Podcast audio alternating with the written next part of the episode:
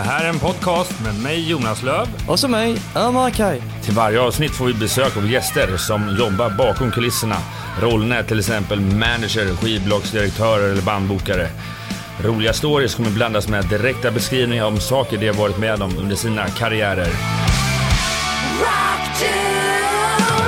Avsnitt 4 av Rock Dudes gästas av Thomas Jernberg. Han är Director of International Exploitation på Warner Music Sweden. Få 32-åringar kan säga att de har varit aktiva inom musikbranschen i 20 år, men det kan Thomas.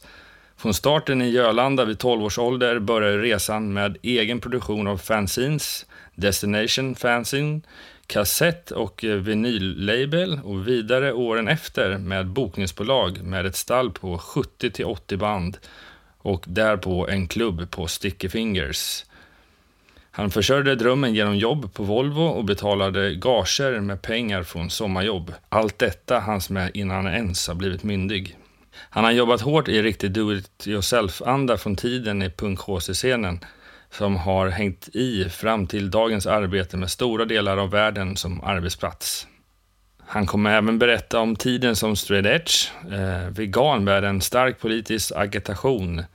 Han kommer även gå in på hur han startade festivalen Getaway Rock. Eh, du kommer även få inslag av vad han tycker om dagens barnuppfostran. Olika tankesätt generationer emellan och mycket, mycket, mycket mer. Sponsor för det här avsnittet är J-Leaf IT och Media AB. J-Leaf IT och Media är ett bolag som har IT-konsulter med stor kompetens inom Microsoft infrastruktur och meddelandesystem. I slutet av programmet kommer vi presentera avsnittets musiktopplista där vi tillsammans med Thomas kommer presentera 15 låtar. Det kan både vara ny musik men också låtar från band och artister som har en mer personlig betydelse. Musiktopplistan är publicerad både på vår Spotify-profil och på rockdudes.se. Alltså, vår gäst i avsnitt 4 är Thomas Jernberg från Warner Music. Hallå, hallå! Hallå, hallå, hur står det till? Jätte, jättebra faktiskt. Eller helt fantastiskt. Helt fantastiskt, trots att det är en mörk och kall decemberdag. Ja. Du hittade hit, Ja, det gjorde jag faktiskt till slut. sprang runt från Ica i Ja, närheten. Ja, 50 meter från bostaden. Ja visst fan, du bor ju här i närheten. Ja. Fan vad nice. Nära studion och bra sådär. Vi sitter på Odenplan här på studion, kan vi tillägga. Så kom hit och våldgästa dem. Ja, precis. Jo, men vi hoppar tillbaka kanske, mm, ja, vad vet jag, hur många år tillbaka behöver vi hoppa för där du en gång började? Eh, oj, jag var nog eh, 12 år tror jag. 12 år? Ja. Vad pysslade du med då? Nej, men då gjorde jag... Eh, jag tror att jag var 12, 12-13 år så gjorde jag ett fanzine som hette Destination Fanzine inom hardcore-scenen. Och så hade jag startat en liten eh, så här kassett och vinyllabel när jag var 13-14. Nej, men kom. Kan man göra det när man är 13-14 rent juridiskt? Eh, ja, man kan ju inte göra det i eh, bolagsform. Nej, såklart. eh, nej, men jag tryckte vinyler i Tjeckien och så här, distribuerade runt om i världen så här hardcore-distributioner typ.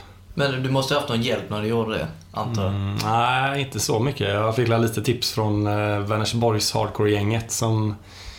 Vad hette det bolaget? No Looking Back Records.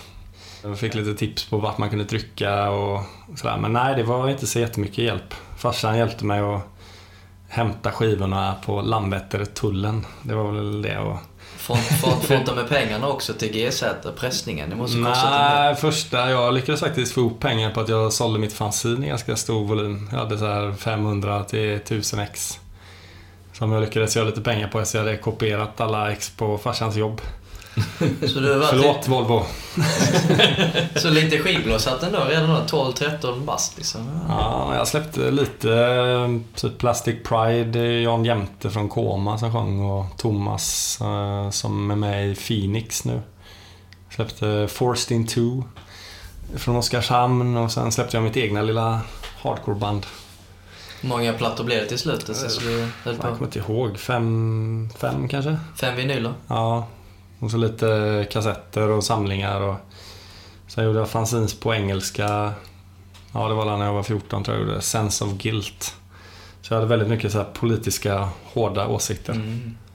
Vad innehöll de här fanzin, fanzinen? Eh, nej, men de innehöll intervjuer med massa hardcoreband och massa kröniker om... Eh, jag var väldigt, eh, eller var, men eh, var väldigt intresserad av eh, politisk eh, agitation. Så jag läste sjukt mycket anarkism och syndikalism och skrev kröniker om eh, antisexism och straight edge vegan var jag. Eh, så att jag var en eh, väldigt arg pojk då. Är du fortfarande det idag? Eh, nej, jag är inte riktigt lika arg längre. Faktiskt. Och, då, och det här var då i Göteborg, eller utkanten Göteborg? Eller? Ja, i början var jag i Jörlanda faktiskt. Jag och min kompis Svante satt i hans lilla hus på hans eh, föräldrars tomt och hade ett, vår lilla label med affischer på väggen. Och åkte runt på hardcore-spelningar. Ehm, ja, nej, men det kom väl från... Hardcore-delen kom väl lite ur punken från början. Jag lyssnade mycket på punk när jag var 10 till 12 typ. Hade spikes och sjöng i ett band som hette Gräslök i dålig andedräkt. Jävla succé.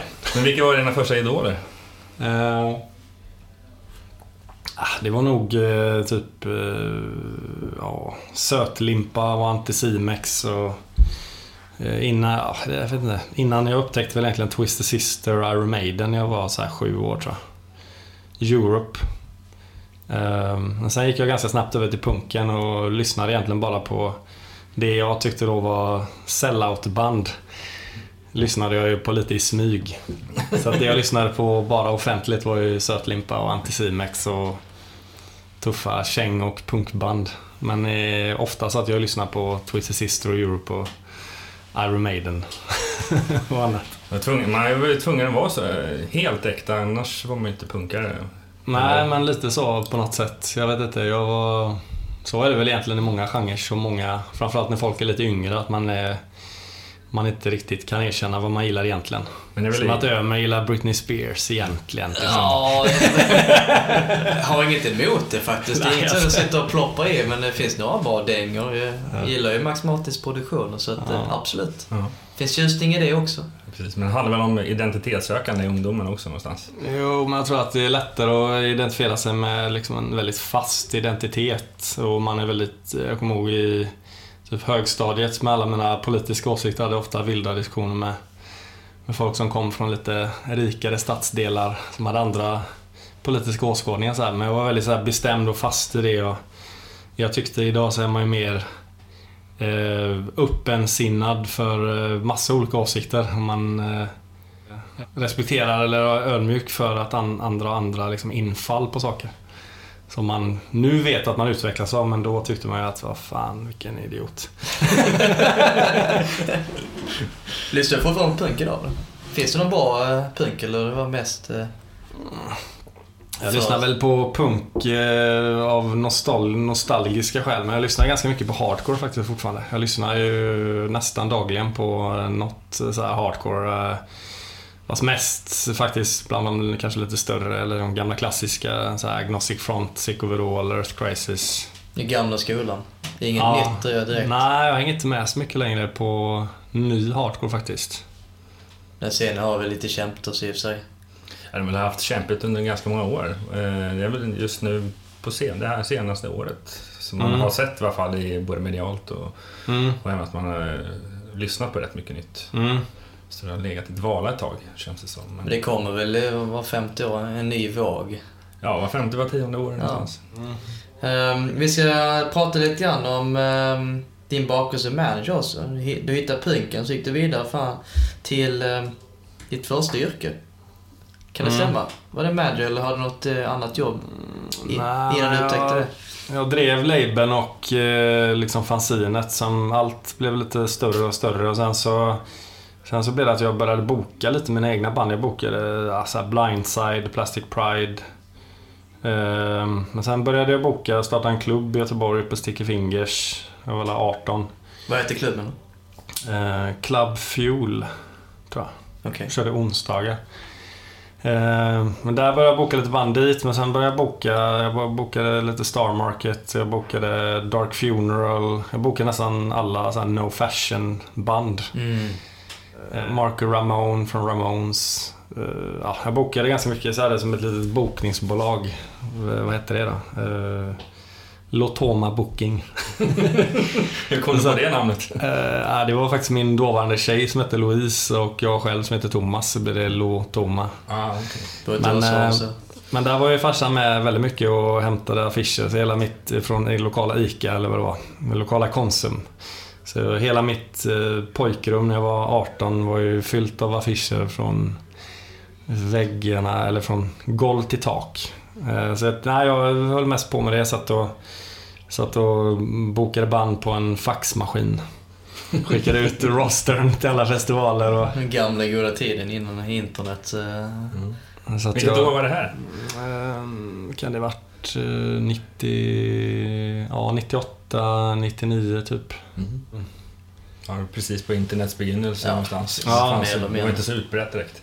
Nej, sen var det, det var ju några tuffa grejer. Jag menar, Mark Ramone, jag hade ju inte så mycket pengar alls i mitt bolag. Så när Mark Ramone kom hit så drog inte han så mycket folk. Jag kommer ihåg så här, i Hässleholm var det 22 betalande. Och, och x antal arrangörer som inte kunde pröjsa, vilket var rätt jobbigt för Mark Ramone ville ha sina pengar. Av eh, lilla 17-åringen eller vad det var. Vad hände? Nej, men jag fick ju samla ihop allt jag hade och betala av. Och samma lite med Dark Funeral eh, arrangerade jag ju en egen spelning på klubben. Som det eller kom så jättemycket folk till. Det var en rolig grej. Jag bokade Dark Funeral till Västerås. Så ringde arrangören dagen innan och det var tydligen en, eh, någon slags frikyrka som eh, hade arrangörsföreningen och meddelade mig att de hade läst texterna. och kollat omslagen så att vi var välkomna att inte komma dit. Fick de ändå betalt Ja, jag har för mig att de fick betalt, eller lite betalt på något sätt. Men det gick inte att spela, kommer jag ihåg. Men det var några så här tuffa, jag hade ju en roster på kanske 70-80 band som jag satt och... Jäklar, det ger sig mycket alltså. Ja, som jag satt och faxade ut arrangörer och... Jag jobbade som brandvakt lite extra på Volvo. Kommer ihåg att jag stod och ringde nummerupplysningen för att få tag i nummer för då kunde inte man, man kunde inte köra hitta.se då. Nej, just det. Vi, vi intervjuade på podcast 2 Olof eh, på Skrikult och eh, det är lite kul att jämföra då du började och han. Idag har han en roster på kanske 15-20 akter så men när du höll på så var det lite 70-80. Känns ja, lite var... väl ambitiöst då kanske. Ja, nej, men man, jag vet inte. Man hade ingen riktig, jag hade ingen riktig koll liksom på jag tror att när jag höll på då så var det de här, alla de här artisterna var signade enligt mig till ett liksom, riktigt skivbolag med promotion och jag ville nog egentligen ta med hela rosten för att liksom det som gick att boka ut, gick att boka ut på något sätt. Mm. Så när jag körde till festivaler så kanske det var hälften av banden som fick spelningar på festivaler och hälften hade inga spelningar. Men ändå var ordningen på hur de kom i turordning eller stod de i bokstavsordning eller hur? Uh, ja, det var väl, oh, det var nog i bokstavsordning kan jag tänka mig. En hel A4 går. jag visste nog knappt du behövde kolumner då, så det var en rad alltihop. Vad sämst om man hette Cissi Topp eller någonting. Ja, exakt. Då fick man inga gig. Ja, men sen höll du på med det ett tag va? vad, vad hände sen? Du, du la av med bokningen? Ja, eller jag blev... Jag började jobba med ett band som heter Division of Laura Lee. Jag kommer inte riktigt ihåg om det var så att jag bokade dem först. Jag tror det. Förmodligen bokade jag en Europaturné med dem om jag inte minns fel. Eh, som ändå gick ganska bra. Och sen... Eh, hade jag, mm, ja, men jag tog så här sommarjobbspengar eller lite pengar jag hade fått ihop på bokningen och finansierade en demo för dem med eh, Kalle Gustafsson. Eh, Järneholm, han från Soundtrack of a Life i hans studio. Eh, sen så skickade jag runt eh, Divisions musik till olika så här, branschmänniskor för att få loss citat på hur fantastiska de var. Så jag fick det från Dennis Lyxzén och, och från, eh, jag kommer inte riktigt ihåg alla ett gäng olika. Sen så skickade jag runt eh, den musiken till skivbolag, bland annat Burning Heart. Som signade Division. Eh, och då hade de ingen manager och jag fungerade lite som en manager så jag skrev ett managementavtal. Jag kommer ihåg att jag fick ett underlag från Martin Roos, Kents manager. På hur ett sånt avtal skulle se ut. Och sen hade jag lite mentorer, så här Mogge på Luger, Moondog och Tobbe Lorenz från, eh, nu ja, var han då motor kanske, men nu är han på Agency Group. Tog hjälp lite av folk för att se vad, eh, vad man gjorde som manager helt enkelt. Men det gick ganska bra för Division Lee. De var en del av The Swedish Invasion i USA med The Hives och Soundtrack of Alive senare. Och, eh, jag lärde mig mer och mer om att vara manager. Jag var väl en ganska aggressiv manager på den tiden tror jag. Eller, Och ingenting att förlora på. Så learning by doing lite grann. ja, jag, Kaxig. jag hade väl läst lite så här management, managerbiografier och trodde att man bara ringde runt och skrek på folk och ringde runt och sa att de gjorde ett skitjobb. gör ett jobb fan, gör, gör ett jobb bättre jävlar. Ehm, så att jag var en ganska jobbig manager tror jag. Ehm, men sen efter ett tag när det började gå ganska bra i USA, de var där i typ tre turnéer tror jag. Vi fick eh, Coachella som i och för sig ställdes in till slut men var på väg att breaka på riktigt i USA och då var det, var det ganska många andra större managers som så här Foo Fighters manager och massa olika som, som eh, ville signa divisionen. och jag visste inte riktigt vad jag skulle göra av det. Så då tog jag kontakt med Petri Lundén som drev eh, Talent Trust, eh, Cardigans och eh, Weeping Willows och massa artister och bad om hjälp för hur, Hur jag driver jag det här vidare eller vad gör jag sådär. Och då tog vi ett möte och sen så frågade han mig någon dag efter om jag ville ha jobb hos honom. Ja, den vägen kom du in i eh, på riktigt management så. Ja, Sa- Samarbete med Petri. Ja. Som, som numera har Hagenberg. ja precis. Eh, och nu är det väl 2002 tror jag.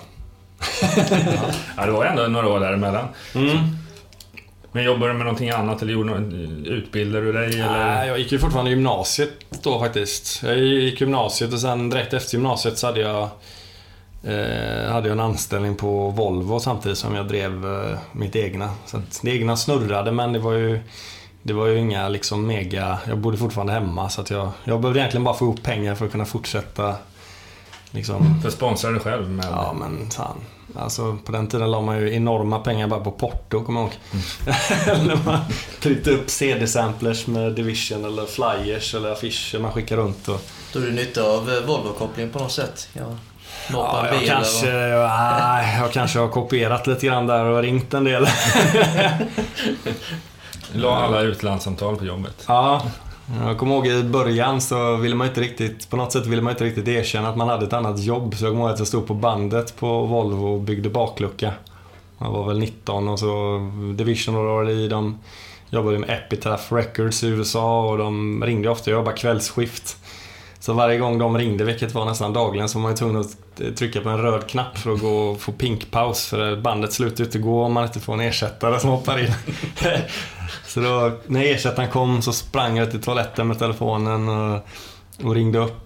Eh, och det var ju alltid jävligt noisy där inne för hela bilproduktionen var ju utanför toadörren. så jag sa Oh excuse me, it's a bit noisy here, I'm at a club. eh, för att på något sätt låtsas att jag drev ett eh, framgångsrikt stort bolag liksom.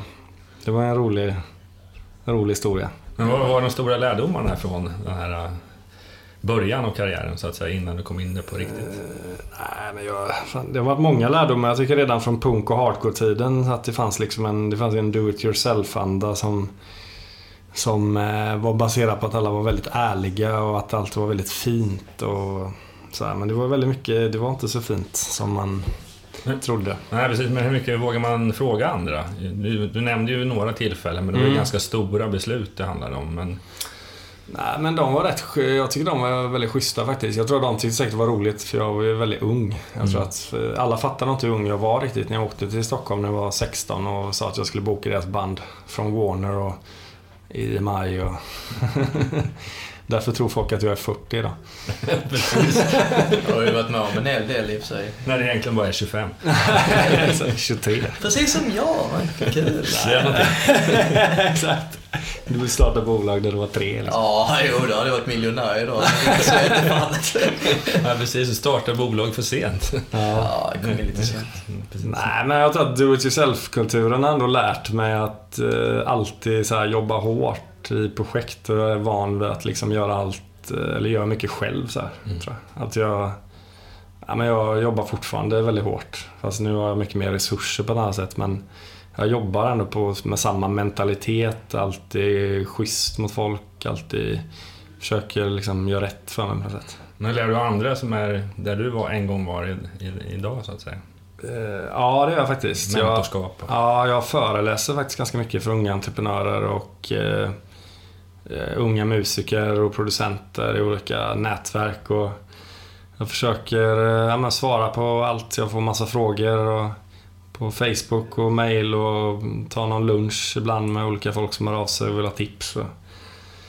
Det är kul och ja, nej, det låter som man är en gammal farbror men det är kul ändå att hjälpa folk som, som är det ambitiösa. det- det precis det är en eh, tillfredsställelse ändå att man, Ja, folk vet att du är duktig, då frågar man dig och då... Ja, framförallt så blir det ett kvitto lite grann. För ibland kan man undra vad kan man egentligen? Alltså så, så många tänker vad är det man jobbar med eller vad gör man? Man får hela tiden ett kvitto på att man kan väldigt mycket om olika saker. Vilket är tillfredsställande i sig på något sätt. Att, att man har massor med kunskaper. Men känner, känner du också att i och med att du har kör, kört mycket do it yourself eh, så har du ju inte format så hårt som man kanske gör om man skulle gå en akademisk väg på något sätt. Nej, nej men det tror jag lite. Jag tror att... um, jag brukar babbla lite om det, men jag tror att riktigt självförtroende kommer från att utföra. Jag tror att... Eh, och jag tror det kommer från erfarenhet. Jag tror att det är svårt att studera sig och sen... Man studerar music business och sen går man in och tror att man ska bli, bli, bli VD liksom direkt. Jag tror att man... Tar man, eh, tar man alla bokstäver på vägen och inte bara går från A till Ö så kommer man bli mycket tryggare och starkare i sig själv. Att eh, utföra större saker liksom. Så att jag, jag, ja, jag tycker verkligen att eh, do it yourself-delen, att utföra saker, gör en starkare liksom. I, kanske var ett pretentiöst svar men...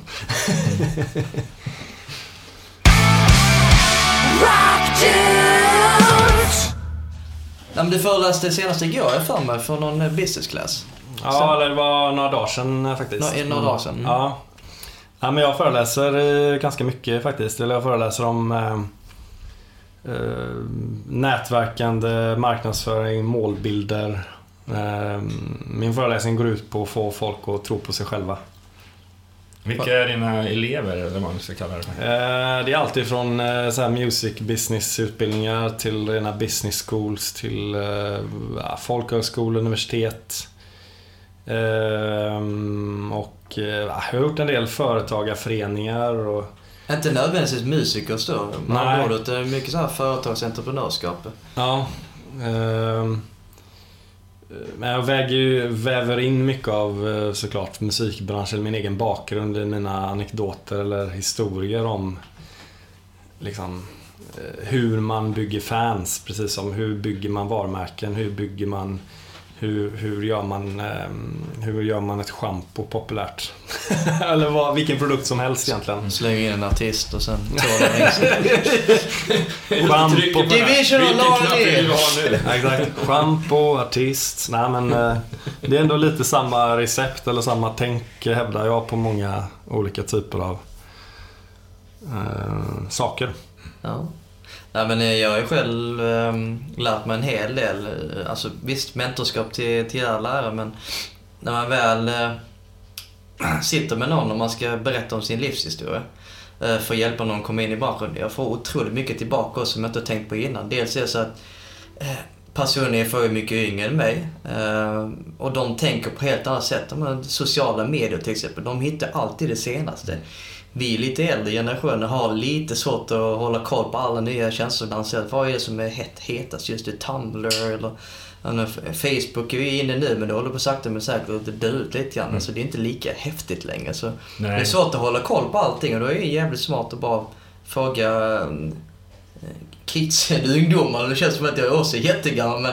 ehm, 74. De, de, de ligger ju väldigt nära gräsrötterna och har koll på. Och sen är det så här typ att om ett par år så vet jag inte var de befinner sig i sin karriär. Det kan vara så att jag behöver hjälp av dem. Ja, men alltså, Utbyta idéer och så. Ja, precis. Men det kan ju vara... Alltså jag känner också... Jag är också i, i mitt normala yrke en do-it-yourself-människa. Men det som man känner just med de som hänger med i det senaste, de kanske inte har den där djupa kunskapen om det, kanske inte kan undersöka och komma fram till problem, lösningar eller vad det än må vara. Det, eh, jag vet inte om du upplever själv hur du, eller hur upplever du själv den yngre generationen? Är det någon skillnad på dem just?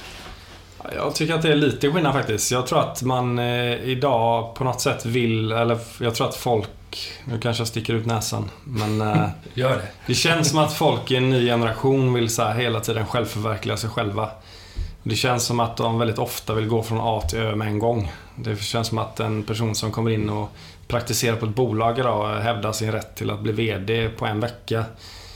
Eh, och inte vill sitta kanske med journalistlistor. Och jag tycker må- många verkar liksom vilja tappa, de tappa lite sitt sammanhang för att bygga eh, bygga en, eh, en seriös grund till att ha ett brett kunskaps eller en- ett brett kunnande. Eh, Precis som när jag träffar en artist idag, även om jag jobbar primärt med att exportera svensk musik idag, så, så har jag ändå koll på hur agenter jobbar, hur managers jobbar, hur, hur eh, festivaler lägger bud på en artist, hur det funkar med att rota upp en turné. Jag vet liksom hur ett förlagsavtal ser ut. Jag vet ganska många saker som Mm. ger en trygghetsgrund till en, framförallt en ny artist som kanske träffar mig på ett bolag. Eh, Medan det känns som att en yngre generation gärna vill gå till en viss position ganska snabbt. Nej, Nu generaliserar jag. Kunsk, kunskap är ju makt ju, men är det riktigt så att de, de har inget tålamod eller eh, de vill att allting ska gå eh, snabbt direkt och tjäna pengar? Eller det, så var det inte alls när, vi, när jag började i alla fall, och inte heller för den. Det var ju mer för musik, att man brann för det. Inte direkt nödvändigtvis att man skulle tjäna pengar på det. Vi hade ju jobb vid sidan av. Du jobbade på Volvo, jag var ju brevbärare fyra år till exempel, parallellt med starta skivbolag. Ambitionen var aldrig liksom att man skulle tjäna pengar på det eller ha den där positionen. Man hade ju kneg redan. Det är mer såhär, fan vad kul, här är ju hitta Mm. på någonting annat. Vi Ja, hade det var kanske mer en, en hobby länge på, på, som man drev. Eller, jag, tror, jag, jag vet inte. Det här är ju en, eh, det, det är en annan diskussion. Men jag tror att jag kan uppleva det. Jag har två barn till exempel. Alltså, jag tror att många jag tror många uppfostras eh, idag mer i prestationer än vad man uppfostrades typ när jag växte upp. När jag växte upp så blev man mer uppfostrad att att man inte skulle liksom, eh, inte att man inte skulle tro på sig själv men att man ska inte tro att man är någon. Eh, och jag tror att idag så märker jag själv hur man uppfostrar att man är, man är väldigt plussande till sina barn. Man är liksom oerhört uppmuntrande hela tiden när, när barn äter bra, när de gör bra saker, när de är snälla, när de är... Det finns en, hela tiden en sån här plussande morot till barn. Och säkert en, en, har det varit så länge till en ny generation som växer upp i ett arbetsliv nu så att man, man är van vid att bli så bekräftad i hela sin, av hela sin omgivning jämfört med typ eh, när, jag, när jag kom hem med alla rätt på ett prov så var det mer ja, ja men ja, vad bra. Är det, Mm. kul eller? Mm. Medan nu tror jag det liksom är hyllningar och presenter i mutor och ja, men massa saker som gör att folk blir så prestations eh, bekräftelseintresserade. Det blir lite kontra från vår generation som eh, eh, uppfostrar våra barn idag. Att vi har den där jantebiten i oss och vi Ja. gillar inte riktigt den där jantebiten. Så att jag tror att det, det blir inbyggt för, för oss att vara väldigt plussande och bekräftande. För att det var kanske det vi saknade när vi själva växte upp. Ja, men det kan nog stämma faktiskt. Allt är Facebooks fel, jag säger det. Jo, men lite så här, åh nu har jag lagat den här middagen och så vill man helst att 70 pers likar och skriver Gud vilken härlig maträtt. Jag önskar jag käkar det istället för falukorv och makaroner just nu. Ja, jag, jag skiter i egentligen jag tar selfies på mig själv. Matbilder och ölbilder och allt möjligt. Så att, eh, ja. Jag är också, jag menar det ska jag säga, jag föreläser ju om anti-jantelag. Jag är ju väldigt anti-jantelag i mitt sätt att vara och verka. Men jag, jag har fortfarande en grundinställning att jag inte liksom blir för mer än andra eller att jag är liksom ödmjuk inför liksom omvärlden på ett sätt som såklart jättemånga i den här generationen också är. Generaliserat så. Vilka diskussioner vi hamnar i här. Ja, vilken väldigt, rock. väldigt, väldigt djupa. Så Här kommer rock dudes. Fan. Från, eh, från Division Lali till eh, nästa band då. Alldeles efter Division så mellanlandade jag på Talent Trust och jobbade med Haunted, Turbo Negro, The Motorhomes. Det var inte så rock dudes kanske men... Into the night. Ehm, det var egentligen Mustache var den... Det var nog den artist som liksom... ehm, jag signade dem en bra stund innan eh, latest version of the Truth-plattan kom. Ja, det var det verkligen tidigt. Ja, De säger till EMI då fortfarande va? Eh, ja, fast då var det precis på slutet. Vi signade Regain, eh, Regain Records. Mm, Malmö. Det var väl min första... Jag jobbade väldigt hårt med dem. Jag kommer ihåg... Double Nature var ju min egna så här, första, mitt första deltagande i en hit på något sätt. Då breakade ju Mustasch eh, stort som hårdrocksband och vi sålde ut eh, Lisebergshallen flera gånger. Och vi, eller vi sålde ut egentligen alla gig vi gjorde. Och plötsligt stod ett hårdrocksband och spelade på Lisebergs stora scen. Och, och Gröna Lund och det var liksom... Det var nog det första liksom, bandet som verkligen breakade stort eh, Som hårdrock, rockgrej som jag hade jobbat med. Eh, Ganska kort efter, eller något, ett par år senare, sen jag kommer inte ihåg årtalen, men det var ju innan de släppte Losing You som blev deras första singel. Hur hittade du dem då? Eller hur hittade de dig? Eh, Nej, jag hittade dem på MySpace. Och så visade det sig att de hade möte på kontoret bredvid mig med någon. Och så messade jag dem på MySpace och skrev Hej, jag kan göra er till världens största band och signa världens största skivbolag. Förmodligen skrev jag så. När jag återkommer Ja, men, till, eh, till trean när vi intervjuade David Mortimer och han berättade att han signade Dead by April. Han var ju två olika läger. Han fick reda på dels via MySpace och sen eh, någon i studion. Jag har hört om. Det var via utbildningar som Ut, var utbildningen var det, det kan nog stämma. Mm. Ja, just det. I Nyköping tror jag någon som hade dem som case. Ja. Ja, jag messade dem och sa att jag kan eh, fixa ett stort skivkontrakt till er, tror jag skrev. Eller jag är ganska säker på det. Så fick jag som svar vi har redan signat Universal. men låt oss ses. Nej, men vi sågs och ingick ett samarbete ganska snabbt faktiskt. Och sen, eh, sen kom ju den här synken eh, i Robinson. Första Robinsons återkomst var ju Losing You med. Och det var ju också bara en händelse. Jag var på Universals kontor och eh, Björn Lindborg var där då som jobbade på Talent and Brands då.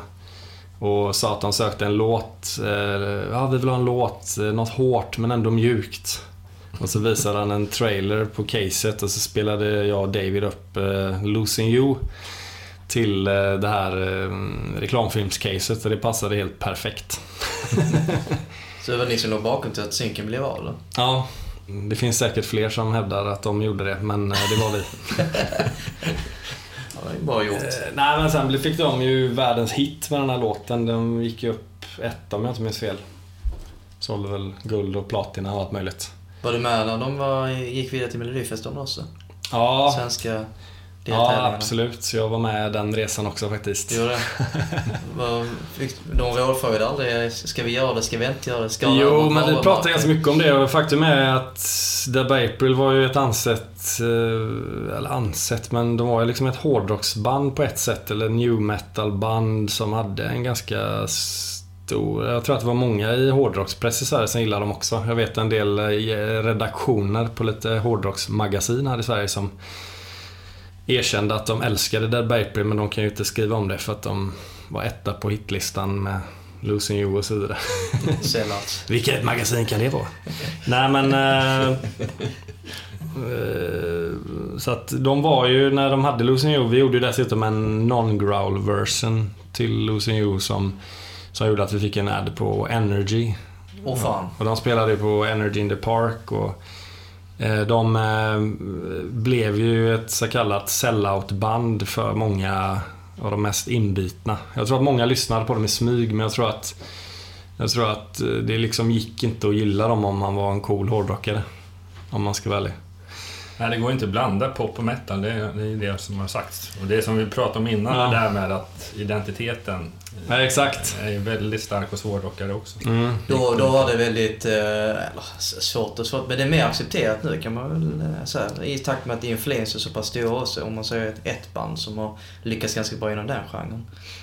Jag tror att det, och det tror inte jag att någon hårdrockare skulle hålla med men jag tror ändå på något sätt att Dead by April banade vägen för growl i ett bredare perspektiv. Jag tror att framförallt P3 och radio överhuvudtaget så var ju liksom Dead by April och Losing You i princip den första growl-låten eh, liksom, som existerade i något kommersiellt eter överhuvudtaget i Sverige. Så att, att In Flames eh, senare spelades eh, mer på svensk radio kan mycket väl ha varit för att det ändå öppnades upp, att det fanns en bredare publik, att det fanns en, ett intresse för hela growl-grejen. Sådär. Vi fick massa så förkla- förfrågningar från skolor om growl-lektioner och det blev en så här stor grej runt Growl som tidigare hade varit en ganska smal del på något sätt. Mm. på den, på den korta tiden som Deborah Apel höll på så lyckades de väldigt eh, nå framgång inom eh, kommersiell TV och, och radio.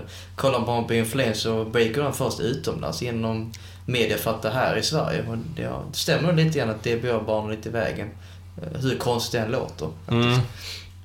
Men sen det här med Melodifestivalen, på något sätt så hade ju bandet, vi var ju väldigt medvetna om att de ansågs i hårdrockskretsar som någon slags sellouts för att de hade haft hits. Eh, och sen eh, när Melodifestivalförfrågningen kom så, så var bandet redan etablerade internationellt och vi tyckte att fan vi kan lika väl göra Melodifestivalen och sälja ut ett steg till då enligt hårdrockspubliken.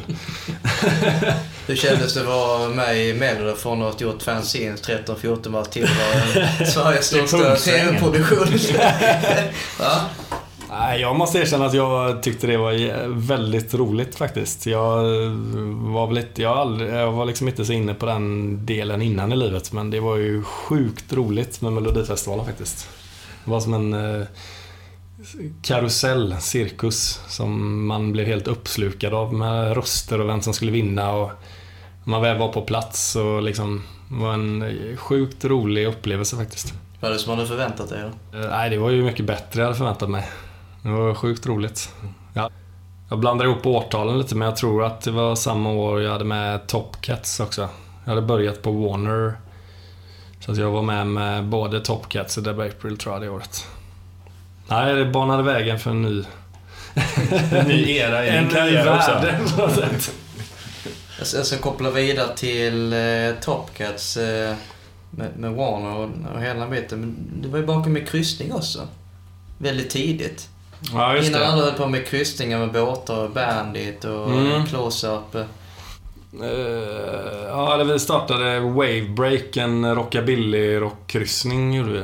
Vi gjorde två avgångar, gjorde vi. Avgången gick från Stockholm till Eh, Ja, vad var det? Åbo kanske? Åbo. Silja var det va?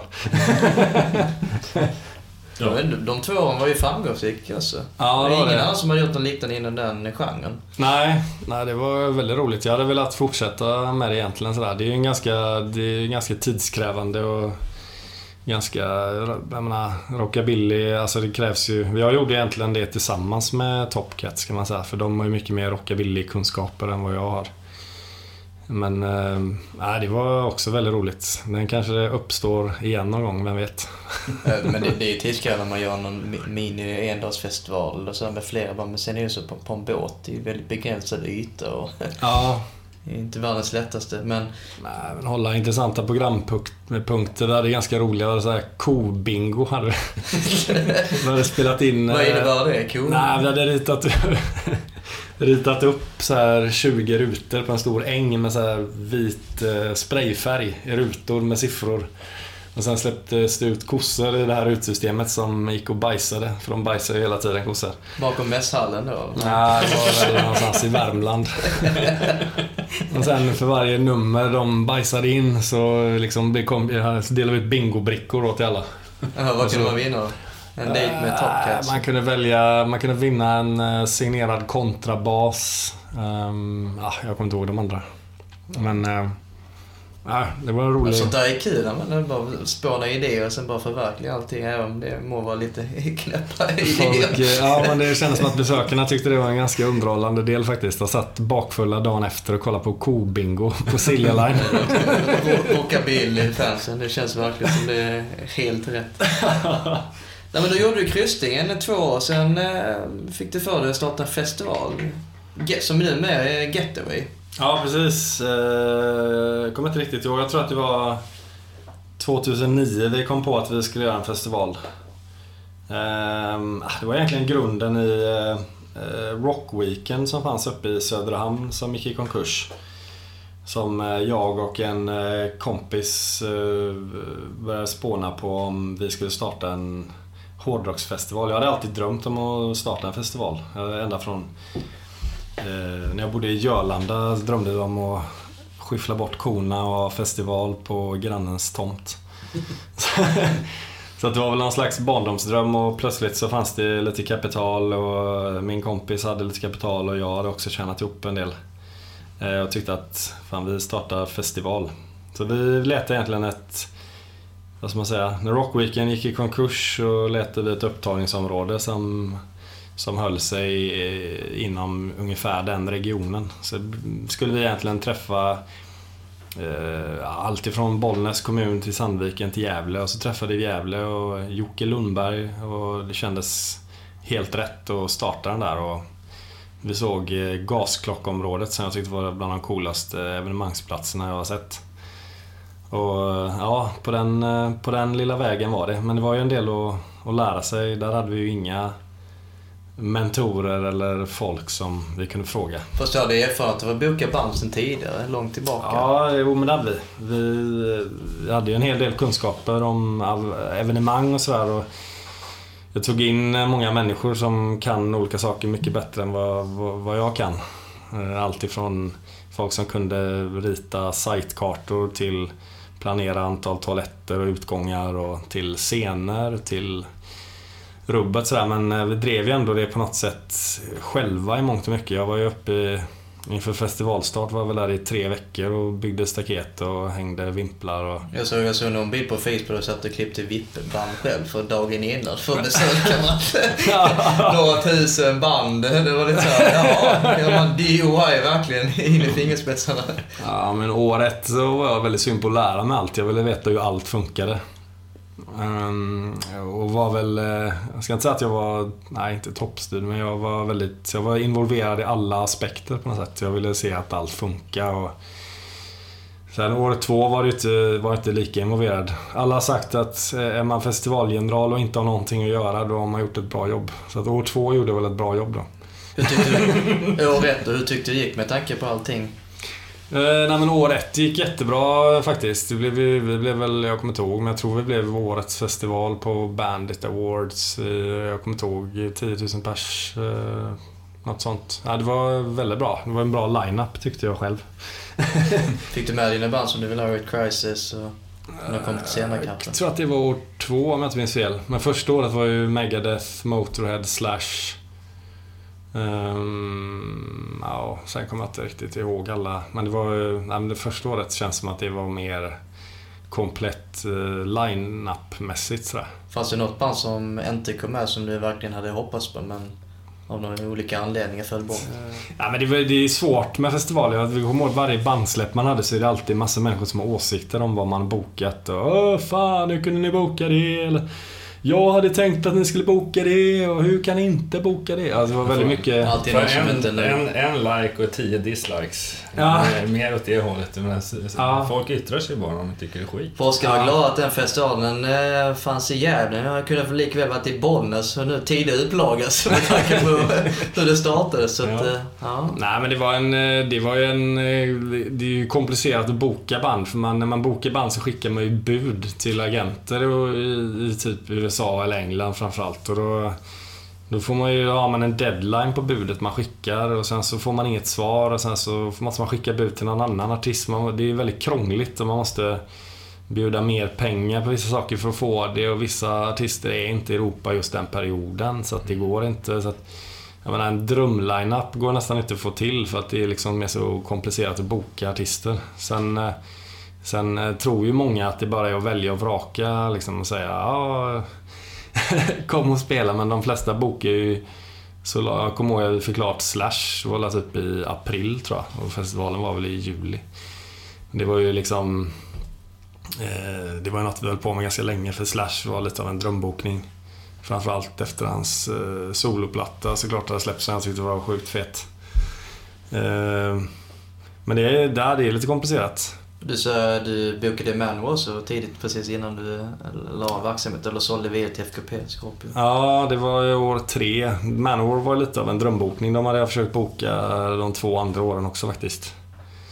Jag var där på år två när de gick ut på, eller sången gick ut på scenen och berättade i samband med det att ja, men vi bokade för Ja, Tre, trean, det var ja det. väldigt eh, häftiga nyheter. Det var väldigt mycket skriverier om just det för Manor har inte spelat på eh, Nej. åratal i Sverige överhuvudtaget. Nej, jag och eh, Joe DiMaggio, vi var väl, eh, han, vi hade samtal en gång i veckan.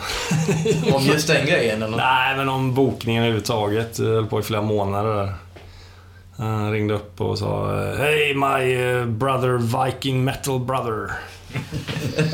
Eh, Speciell filur. Ja, men verkligen. Men eh, ah, duktig försäljare och duktig på många sätt. Eh, men det var, ah, det var en rolig, rolig upplevelse, rolig tid. Det var ju sjukt jobbigt. Jag menar, vi tappade ju ganska mycket pengar på att hålla på med festivalen. Och sen eh, hade vi väl byggt upp någon slags... Eh, vi hade ju inte råd att... Eller råd då, men vi hade inte liksom... Vi hade som idé att vi skulle personifiera festivalen väldigt mycket. Så vi byggde hela varumärket runt eh, mig på ett sätt. Att jag gjorde massor med redaktionella intervjuer och var väldigt personlig och väldigt...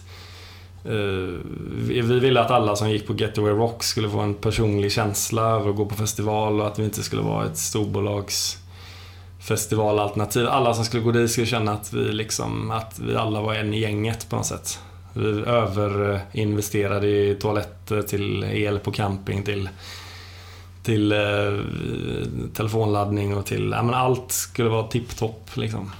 Sen ham- hamnade ni lite grann i hetet också. Det var hetsjakt på dig. Ni får ju komma ihåg det. Och skriveri och så i Gävlesbladet och Arbetarbladet om, om Getaway och... Ja. utveckla vidare vad som hände just då? Eh, nej men den här mediastormen, jag tror att eh, alltså media gillar ju generellt att hylla och sänka. Det är väl det som det går ut på, eller på att säga. Men det som hände med skriverierna var ju egentligen, jag menar, det var ju egentligen en, en jävligt oseriös eh, journalist som eh, som eh, skrev, eh, diktade ihop en hel del osanningar om mig och festivalen i samband med att vi gjorde, andra året gjorde vi också en förlust. Vi gjorde ju några miljoner i förlust första året och några miljoner andra året men andra året så gjorde vi ett så kallat eh, ackord. Att vi eh, skickade ut ett brev till leverantörer och sa att hej ni vi kan erbjuda er en mindre peng av våran skuld och i utbyte mot att eh, vi kan liksom fortsätta bedriva vår verksamhet. Så att, typ i september så hade, jag, hade vi genomfört ackordet. Vi hade lyckats eh, att betala av alla skulder och betala av allt och starta år tre. Men eh, den här journalisten fick ju ny som ett eh, typ ackordsbrevet som skickades ut och skrev en, eh, en löpsedelsrubrik alla Jernberg hotar småföretag. Mhm. Det här, folk som inte kan med ackord eller biten, det här är samma grej som Hultsfred gjorde när, när det gick som sämst för att de skulle fortsätta sin verksamhet. Mm. Det här är väldigt vanligt inom festivalverksamhet. Om man inte kan betala skulderna om man ska fortsätta sin verksamhet. Man kommer överens med underleverantörer. Det kan vara allt ifrån eh, kravallstaketen till, eh, till, till ölen. Ja, men vi betalar en del av skulden och sen när vi kommer igång med nästa festival då kommer vi betala tillbaka allt plus det, det övriga då. För att liksom hålla i liv. För annars går det ju precis till konkursboet. Och, Ja, men oftast har ju festivaler inget, eh, har ingen, inget värde i bolaget. Man bedriver ju en eh, festivalverksamhet och sen när den är över så har man ju antingen gått plus eller minus. Så det finns ju inga, man, man äger liksom inga inventarier eller fastigheter eller andra saker som går att utmäta till någon slags värde sådär. Men eh, jag vet inte, jag hade väl en eh, 7-8 löpsedlar i Gävle med eh, kompletta osanningar som jag också anmälde till pressombudsmannen. vann du? Nej, det är ju helt omöjligt. Eh, Det är ju helt omöjligt att vinna. Eh, För att eh, mycket av de här journalistiska pressetiklagarna, till exempel säger man att om en journalist har anteckningar från ett, en intervju så går de att hänvisa som käll, eh, källa till intervjun som publiceras. Sen om den intervjun har ägt rum eller inte, det går ju väldigt svårt att bevisa. Men jag var väldigt fascinerad över några av de sista så kallade intervjuerna som publicerades med mig i, i tidningar i Gävleregionen där jag inte ens hade blivit eh, uppringd. Mycket fabricerat om andra Ja. Överdrivet. Men tanken var ju redan från början då att ingå ett eh, samarbete med FKP Scorpio som, som senare tog över eh, varumärket eh, Getaway Rock. Men hur fann du dem eller fann de dig då? För att de ville in på svenska marknaden? Nej, men vi hade, jag hade tidigt möte med folket eh, ägarna av FKP om att hitta någon slags samarbetslösning för att hitta internationell talang och för att hitta ett samarbete. Sådär. Så att det, det fanns en sån plan att, att få ett bredare perspektiv på festivalen. Eller mer liksom internationell prägel. Sådär. Uh, nej, jag vet inte. Jag tycker Getaway, det var en... Uh, det var jag menar, vissa delar var ju helt klart en jobbig tid. Alltså framförallt år två var ju jobbigt. Men uh, mest av allt var det ju en erfarenhet och sjukt roligt. Har du någon koppling till Getaway nu med på ett annat sätt eller mer som mm, hedersmedlem? Mm, nej, jag har ingen koppling alls faktiskt. Kan vara skönt att se. Du blickar inte bakåt helt enkelt, du blickar mm. framåt med Nej, men jag fick en ganska... Jag fick en överdos av festivaler på något sätt. jag var så himla engagerad liksom. Det var ju sex månader per år som man jobbade heltid nästan med alltså, hur mycket som helst. Jag gjorde ju alltså, alla sociala medier, all kommunikation, all artistbokning. Alltså det var ju otroligt mycket jobb så att jag var helt less på festivaler. Jag har typ knappt gått på en festival sedan dess faktiskt. Mm. Och nu, nu, nu känns du inte alls sugen på att uh, komma tillbaka i gamet? En ny festival kanske någon annanstans? Har funderingar på det? Nej, inte, nej, det skulle jag inte påstå. Kanske någon gång i framtiden man kommer på ett, ett liksom bra, unikt koncept på något sätt. Jag tyckte den, eh, vad heter den, Exo i Umeå, den här crowdfunding-festivalen där man betalade Eh, köpte biljetter och så utökades festivaltiden ju mer biljetter folk köpte. Det tycker jag var en jävligt så unik idé som lät väldigt spännande. Men om man kommer på någon sån här superkul idé och man har eh, löjligt mycket pengar att bränna in i något så absolut. Får hitta det nya bra bandet som ger dig de pengarna först då. Ja, exakt. Nej, nu, men jag vet inte, den, eh, en av de enda festivalerna som jag har gått på privat det har varit eh, Rock Out Wild uppe i Sorsele som jag och brorsan och farsan åkte i två år i rad. Mm. Som är en fest, liten festival mellan eh, fjällen uppe i Sorsele. Aldrig hört den, jag har missat den helt och hållet. Då gör jag ändå typ 6-7 festivaler varje sommar, men den har jag helt... Har du varit på den? Nej, jag har, det är Gävle den mest norrut som jag har varit på faktiskt. Mm.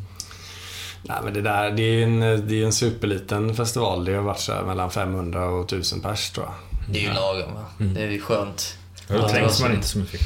Nej, nej, men det är så sjukt eh, häftig miljö. Det är så vackert där. Det är så här, ölområdet är inramat med älghorn och det, det är en annan... Eh, ja, det är liksom...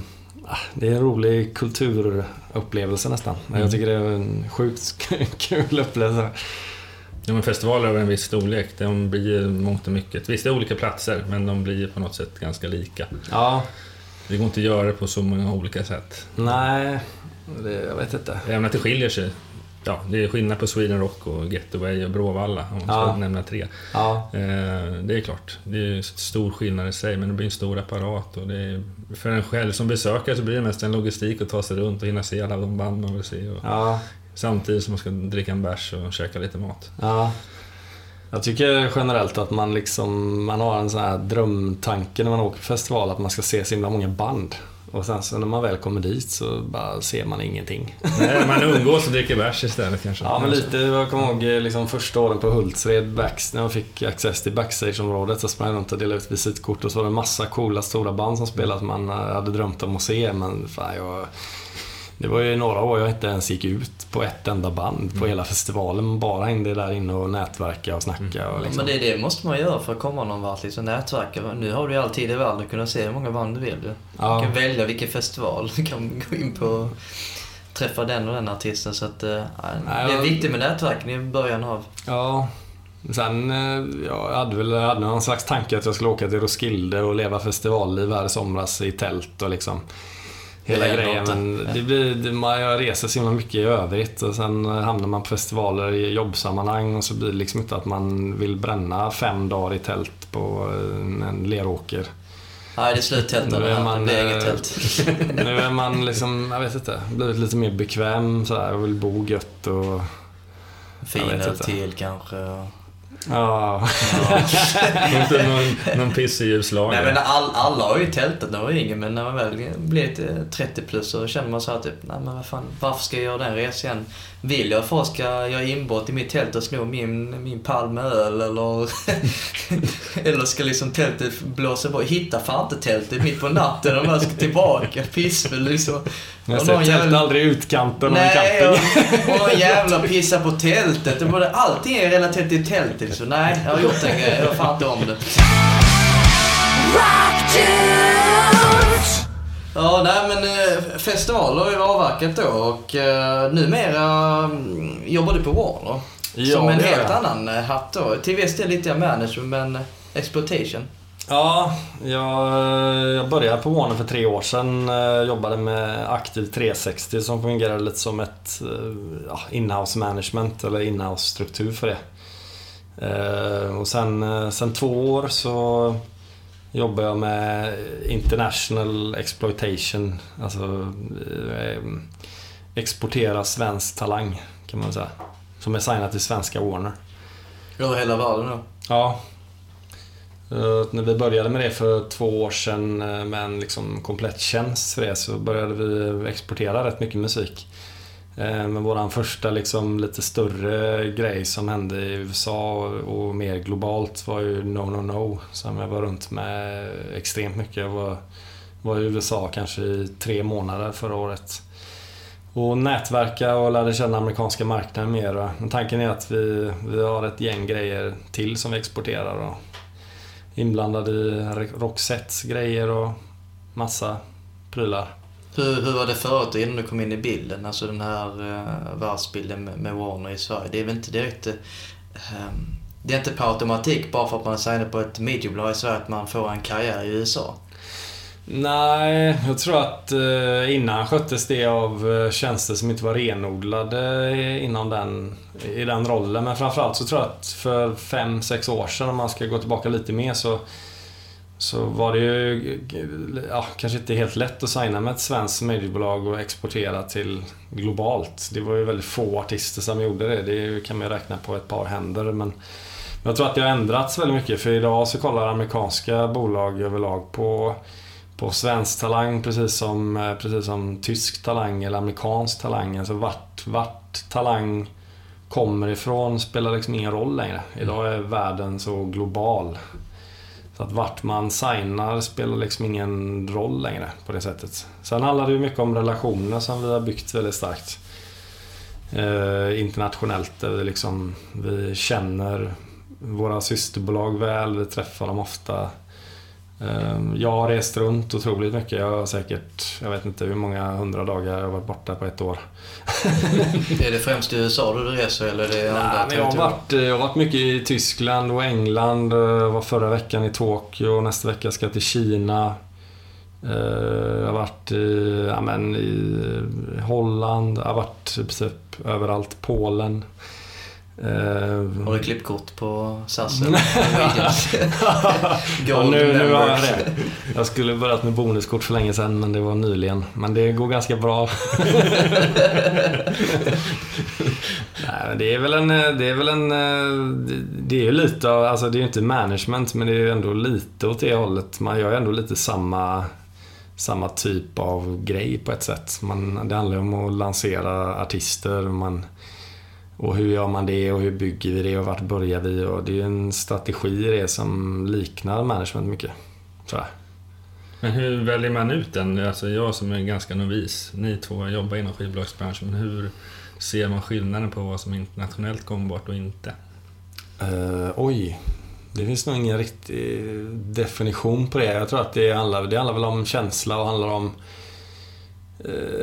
ja, för det första om de sjunger på engelska och har liksom gångbara... gångbara My- Mycket är också magkänsla. Sen är det så att typ, vissa artister kanske inte ens vill ha en internationell karriär. får man lyssna till lite grann vad artisten vill. Och, Ja, mm, alltså, visst, det finns ju begränsningar om en artist sjunger på svenska givetvis. Men sen är det ju vissa artister som har lyckats utomlands just på grund av det svenska språket. Mm. Det finns ett jättebra exempel på, på det. Nu står det i sig still här och blackar och kommer inte på någon. jag ser på Dungen och sådär. Fri, Friska viljor i, Ja, just det. går jättebra i Tyskland som ett exempel. Vikingarna. För att ta ett annat. Nej men, eh, nej men det, jag vet inte. Det handlar väl lite om feedback och lite vad man bollar. Vi, jag är ju i kontakt med massor med olika länder varje dag och bollar grejer och presenterar saker och åker runt och pratar om projekt och liksom det handlar mycket om det på något sätt. Jag tror att eh, vi har, ja, vi har satsat mycket på den relationen och bygga den med våra systerbolag. För att eh, musik eh, reser så himla fort idag. Liksom. Med YouTube och med Spotify-plattformen som är global i princip. Ehm, så kan saker resa och reagera mycket snabbt. Så man kan, man kan få eh, hits eller f- liksom fungerande repertoar i Tyskland fast det inte funkar här. Eller, det är liksom... Eller Polen kanske. Ja, ja, Polen hade, var första året där vi hade ett gäng hits där faktiskt. Jag åkte runt och på Eska Awards och de här roliga radioturnéer. ja, det var en häftig, det var en väldigt häftig. Vi hade en hit med eh, Dansa Pausa med Panetos faktiskt i Polen. Jaså? På svenska. Oj, det är lite otänkbart. Ja, det var lite roligt. Eh, Sen hade vi eh, ja, The Sol och lite andra sådana svenska projekt som exporterade till Polen. Som hade hits där. Ja, det var roligt. Det, det var Japan förra veckan. Vilken artist var det då? Eh, nej, jag var där med två egentligen. No No No. De spelar på ett Export Music Sweden-event. Och sen eh, deras karriär har på något sätt lite börjat där faktiskt. Eh, och eh, man har precis haft en låt i en hm reklam där, Like the Wind. Så vi var där och gjorde promo och de spelade. Sen var där med en dansk artist som heter Christopher. Som uppträdde också, som ska starta i Japan. Men eh, jag hade inte varit där och träffat japanska Warner, så det var en bra resa faktiskt. Spännande. Hur, hur var det med fansen? Var det folk som kände till No No No, det Ja. danska bandet? Ja, det var Kostar ganska galet faktiskt. Jag fattade inte riktigt vad som hände där på gigget. Det Hittar var... man dem via YouTube då? Man har aldrig varit där innan och spelat? Eller? men No No No har spelats mycket på japansk TV och spelats på japansk radio och eh, på något sätt, man har haft en del andra synkar som har gått i reklam och TV. Samsung och lite olika så att det finns ändå någon... Det var inget superstort event, det var alla 500 pers men det var ändå, det var ändå utsålt och 500 pers som stod och skrek och var väldigt entusiastiska så. Det är en ganska sjuk upplevelse faktiskt. Man reser till en annan världsdel och folk står och sjunger med. Ja, det, det, man, man har hört det rätt många gånger ändå med just Japan. Att eh, de verkar vara sjukt dedikerade. Eller ja, nästan tokigt fanatiskt på något sätt. Ja, Och det blir nästan så eh, överväldigt för många band som tror sig att ah, men nu åker vi dit, vi är okända.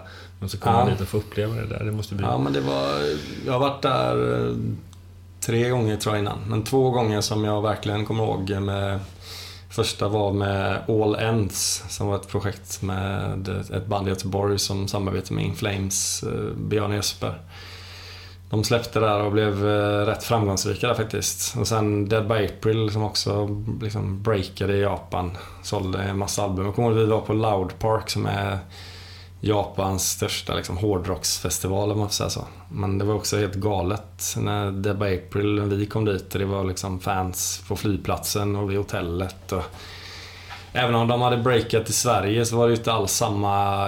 Det var ju inte så att 100 pers stod utanför hotellet och väntade på dem i Borås. Nej, det är ju lite mer så här, eh, folk kom fram efter gig och ville ta ett kort med dem men det var ju inte... Det var en helt annan nivå av fans i Japan faktiskt. De är väldigt, väldigt hängivna. Gråtande fans. Och för dem betyder det jättemycket. Här är det... Jag vet inte, det känns så här lite jantelag ändå fortfarande. Det känns lite fult att kanske ja, visa upp att man har träffat den artisten eller diverse. Man går Ja, inte det ska vara så jäkla stort på något sätt. Alltså Ja. det, det ska vara, alltså då man stolt gör det, det är väl om de är megastora Mm. stjärnorna. Men jag menar, Dead by April och... Du ska och aldrig de få här- för dig att vara utanför Borås och stå med ditt signatur till, till din dotter. Få för Ja, precis. En autograf. Fråga Järnberg om man kan fixa på plats. ja, precis. Jimmy! Förebild. Nej men, eh, nej men så, eh, ja det kan nog vara lite grann så faktiskt. Sen finns det ju fans som tycker det är skitfett att ta bilder med Deb April och många band här också. Så här, men det är, jag vet inte, det känns bara lite annorlunda. Jag kommer ihåg efter gigget i Tokyo nu var det så här 50 personer som stod utanför och väntade tills liksom, folk skulle åka hem för att skriva autografer och ta bilder. Och de hade med sig liksom en komplett katalog av bootlegs och magasin där bandet hade varit med så de kunde signera artiklar. Det var väldigt så här, Alltså det fanns bootlegplattor på dem i Japan. Ja, eller importplattor. Importplattor. Ja, men de hade liksom skrivit ut bilder från internet som man fick signera. Det var en väldigt så här, kompl- eh, så här speciell grej. I Sverige så bara, "Ja, kan du signera den här lappen som jag hittade i mitt anteckningsblock där det kommer folk med ett kompendium på 50 sidor med bilder. Som- Vad var det knäppigaste de de hade fått? Voodoo-dockor eller? Eh, ja. Dead! Dead by April! Ja, exakt. Ja, men samtidigt, samtidigt är de ju grymt artiga i Japan och väldigt så här, de vill inte störa en på något sätt. De ber ju om ursäkt att de liksom kommer fram på ett sätt samtidigt som de är väldigt på.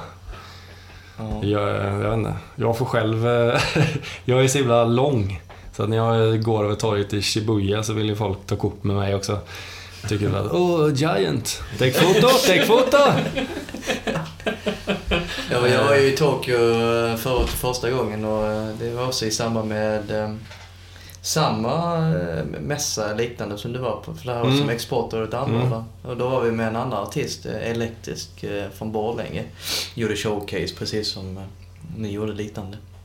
Och jag vill minnas eh, att det var ju verkligen som du sa, beskrev, den här känslan att det var mitt i centrum fast det inte var artist. Det var helt galet. Mm. Folk skrek efter en, inte jag personligen utan Nej, det var du som skrek.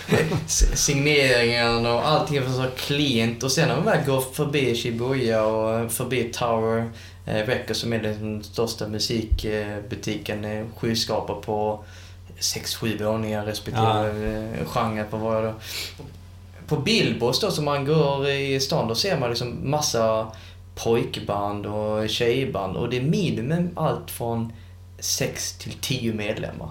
Det är verkligen det J-pop eh, är, dominerar, säljer några miljoner eh, CD-skivor och man aldrig om det, kommer aldrig till Sverige men och sen är det här lilla bandet från Sverige som kommer dit och det är någon, ett, ett par hundra som känner till det. Det är ganska roligt. De berättade om eh, någon sån här J-popband. Jag tror det var, 40, var det 48 medlemmar tror jag. Eller något sånt där. Eller var det 20? Ja, jag Det kommer inte kan stämma. skit.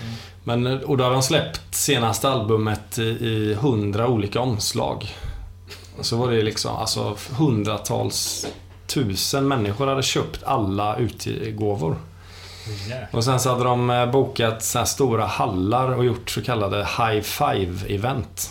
Där de, artisten sitter vid ett bord, sätter upp handen och så får fansen som har köpt plattan ställa sig i en kö, vilket är typ 5000 pers. Varav typ alla har köpt utgåvan 100 gånger. Så att för varje gång man gick förbi fick jag high five så visade man upp att man hade en utgåva och sen så fick man gå om då. Så folk gick, hela dagen sitter artisten och liksom gör high five med typ så här 50 000 pers. De måste ha ganska ömma händer efteråt. Ja men så här rolig, det är liksom i Sverige så tycker vi rätt många att det är lite så här halvskönt att göra signeringar typ. På bängan, så där sitter de och gör high five. Men, eh, Typ komma hem och säga det liksom till, till en svensk eh, artist. Så, nu, nu kör vi high five event på Bengans. Det, det är verkligen kulturkrock om man jämför med svenska marknaden och, och Japan, hur man konsumerar musik. Alltså streaming är nästan obefintlig, digital nedladdning där borta. Det är fortfarande en väldigt stor fysisk marknad. Det är därför så som du säger, typ de här meet and greet och anledningen till att man säljer ett par miljoner av en debut som man kanske aldrig av sig. Det är just på grund av de här events liknande. Det är enda gången som man får träffa artisten i fråga om man köper en platta. Mm. Det är därför folk köper kanske tio plattor, för att de får träffa dem tio gånger. Mm. Är ganska eh, intressant. Ja, Jag, tro, jag trodde också att, på ett sätt trodde jag att digitala marknaden existerar lite mer med tanke på hur mycket internet och hur mycket teknologi. De är ju liksom Japan är ju föregångare till all typ av teknik. Eh, Och, men att nej, den digitala marknaden existerar liksom inte över- överhuvudtaget. Den är, jag tror de snackar om siffror på 85-90% eh, fysisk marknad. Sen är det en ganska rolig jämförelse. Här, eh, i Sverige till exempel så har Universal 50% marknadsandelar. I Japan så är det 40% eh, marknad som eh, styrs av Indies. Vilket är 60% av Majorpan. Så det är fortfarande väldigt stor andel av Indies som kanske kommer på de här udda idéerna vilket gör typ att ja, men, marknaden anpassar sig lite. Mm. Ja, Avex är ju väldigt stora där. Jag kommer ihåg förra gången jag var där träffade jag någon producent som stod för eh, typ 48 av de senaste 52 veckorna på första platsen på singellistan. Såhär J-pop eh, grejen så nej, det är häftigt. Jag vet inte, jag gillar ju Tokyo sjukt mycket alltså. Det är häftigt med alla så billboards och hur det blinkar överallt. Och det ja. låter ju som att man springer runt i ett Super Mario Bros-spel typ på Shibuya. Vi pratade om att du skulle till Kina här snart. Det, har du varit där? Nej, jag har faktiskt inte varit där. Jag, äh, det, är en eh, dansk artist som heter Christopher som, som har blivit inbjuden att göra tre stora TV-shower. Och vi släppte hans en singel där som, eh, som gick in tvåa på kinesiska topplistan faktiskt idag. Kina är en väldigt så här, ny marknad som vi inte ja, man inte vet så supermycket om men som man ändå tror är liksom framtidens marknad på något sätt. det blir väldigt spännande att eh, åka dit. Jag ser faktiskt väldigt mycket emot, fram emot och, och se det. Men det ska vara i Shanghai i två dagar och Beijing i en dag och sen åker vi hem. Mm. Tre dagar totalt då. Ja. Vilken jetlag det måste vara. Total jetlag måste det vara. Eh, ja men det var ju samma i Japan. Jag var där i tre dagar också tror jag tre nätter. Men det är ofta så mina resor ser ut, förutom LA där det har varit eh, kanske lite mer sådär. Men, eh, annars när man är ute och åker eh, med No No No till exempel så kanske man gör 12 städer på 14 dagar typ. I USA. Och då flyger man ju härs tvärs över hela landet så man sitter ju 6 till 12 på förmiddagen i flyg. Resten av dagen är promotion och... Hur, hur lägger du upp det om du har flera projekt löpandes? Om du har något band som är stort i USA och så har du något band i, i Kina och någon artist där. Ja, men du kan ju inte klona dig själv. Eh, det måste vara väldigt svårt att kunna tajma in allting. Nej, men jag åker no. inte med så mycket som eh, så label rep på det sättet. Jag åkte ganska mycket med No No No men det, det, man åkte, åkte framförallt mer för att bygga relationer i de marknaderna. Så, här. så tanken är inte att jag ska, eh, ska sitta och åka med varenda band på varenda promogrej. Här. Men Japan känns som en ny marknad och på ett sätt etablera i och sen Kina kändes sjukt spännande för vi startade precis våra första artistprojekt där. Så det är kul att se hur det ser ut och hur det, hur det funkar. Mm.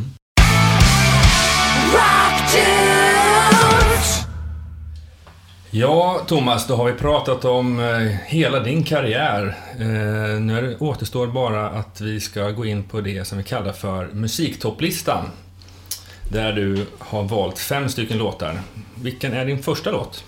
Eh, det är Firestorm med Earth Crisis. Ja, vad betyder den låten för dig? Nej, men det var en av, det var en av de första liksom, hardcore Eh, låtarna de var ju liksom militanta, vegan, straight edge eh, förespråkare.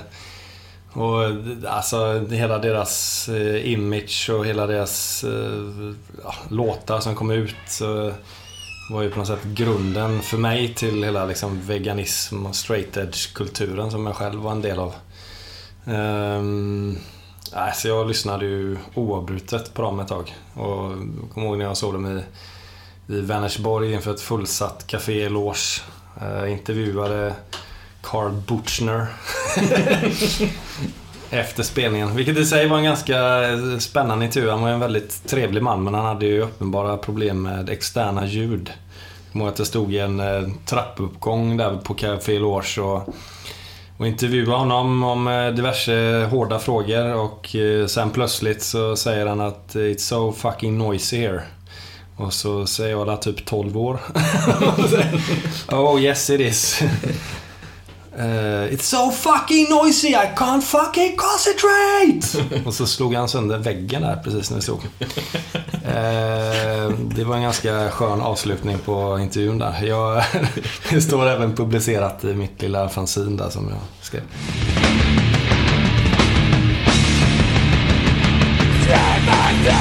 Yeah,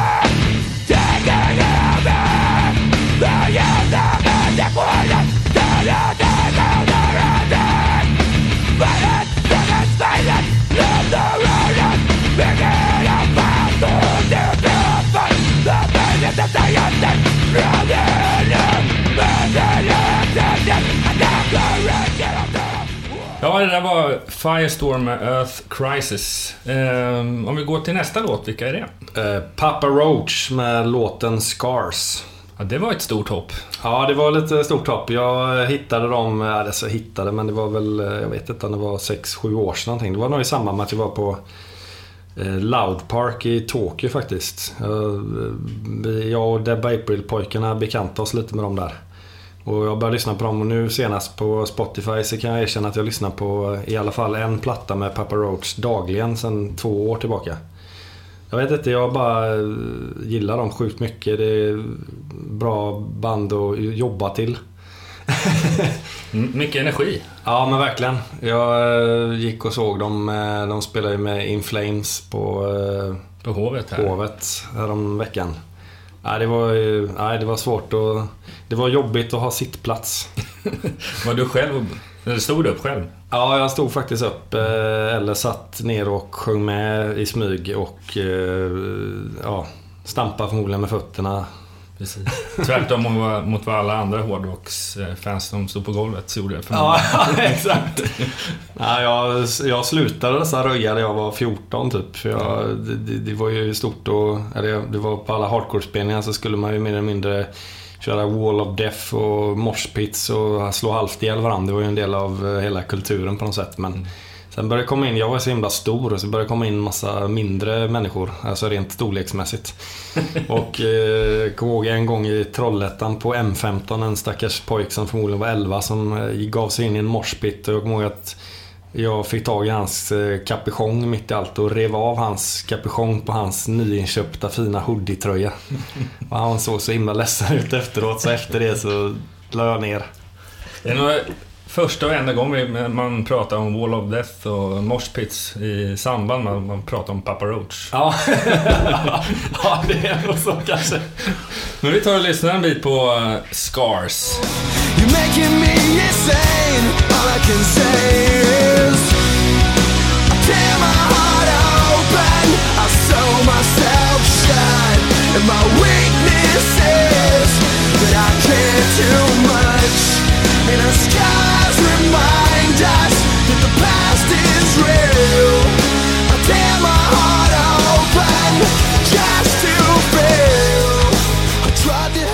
Yes, det där var Papa Roach med Scars. Nu hoppar vi från eh, hardcore till eh, ja, modern amerikansk rock. Och vad blir nästa steg? Eh, Asta Kask med låten Ringhals brinner. Ja, nu hoppar vi tillbaka igen i tiden antar jag. ja, det kan man säga. Det är inte i kronologisk ordning här tror jag. Nej, det är bra. Nej, men, eh, jag, nej, men Asta Kask var ju en av mina jag kommer inte riktigt ihåg om jag var 9-10 år någonting när jag upptäckte punken med massa så här konstiga Göteborgsband men även Asta Kasko, Strebers, eh, Sex Pistols. Jag hade ju färgat svart hår med, eh, vad heter det, säkerhetsnål i kinden. Och såg ut som Sid Vicious faktiskt. hade samma så här eh, sköna frambett på något sätt. Eh, Um, ja, det syns väldigt mycket här i... nej, men jag hade så här svarta håret, spikes upp och tänderna stod ut. Och, uh, nej, men det, var, det här var väl ett av banden som uh, var lite favoriter där i mellanstadiet. Som uh, jag höll mig runt punken. Jag tror att jag hade dem på min punkjacka. Men var det, var det själv i klassen att vara det, eller var det många? Ja, jag var som... nog... Alltså det var några i årskursen över som hade något punkband och sen startade jag ju ett eget litet punkband. Men det gjorde jag med folk som bodde 5-6 mil bort faktiskt. Mm. Men jag, ja, jag var nog ensam punkare så extremt som jag såg ut. men eh, jag vet inte. Jag, sen flyttade jag till Göteborg där från Jörlanda men, och då träffade jag ju ännu hårdare punkare som jag hängde med. Så det var ett litet punkgäng. Men jag gillade att, jag gillade att, vad ska man säga, eh, uppvigla och eh, jag var en snäll kille men jag gillade att uppväxt i Jörlanda. Det var väldigt mycket så här kyrkans barntimmar och så vidare. Och jag hade ju såklart Mefistofeles skrivet på min ena arm. Som är Satan i Svarta Bibeln. Mm. Eh, lite provocerande så.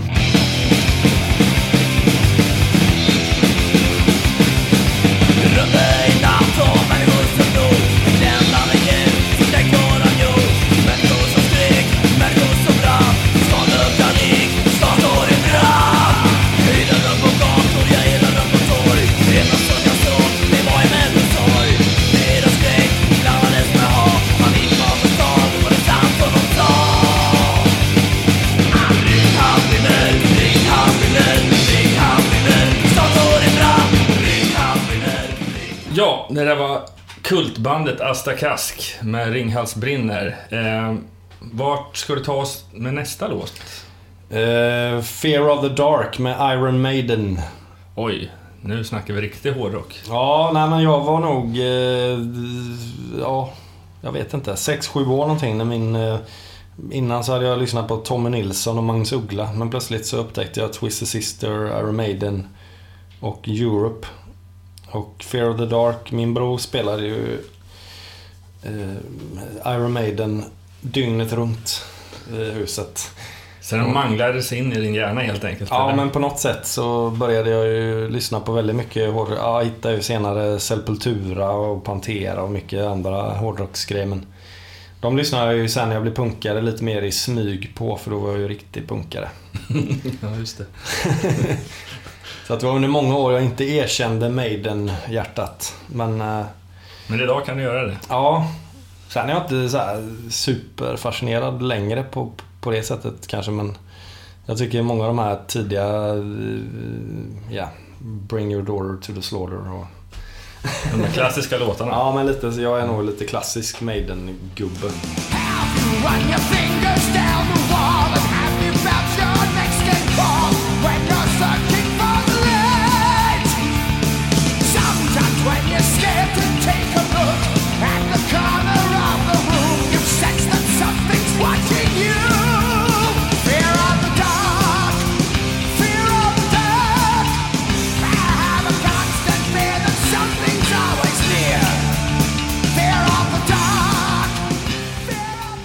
Det där var Iron Maiden med Fear of the Dark.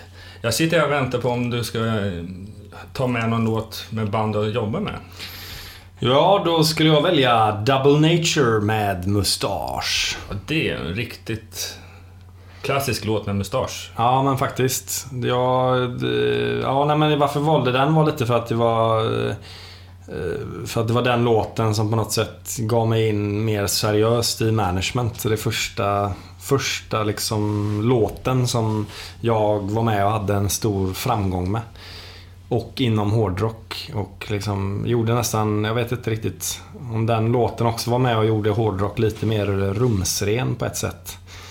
I, i den eran. Det var också så här, den var A-listad på P3 och mest spelade låten på bandet det året. Och det var en eh, väldigt eh, kul tid att vara med med Double Nature. Det var som att man hörde den första gången att man direkt hörde att det där kommer bli en låt som, som väldigt många kommer vilja lyssna på.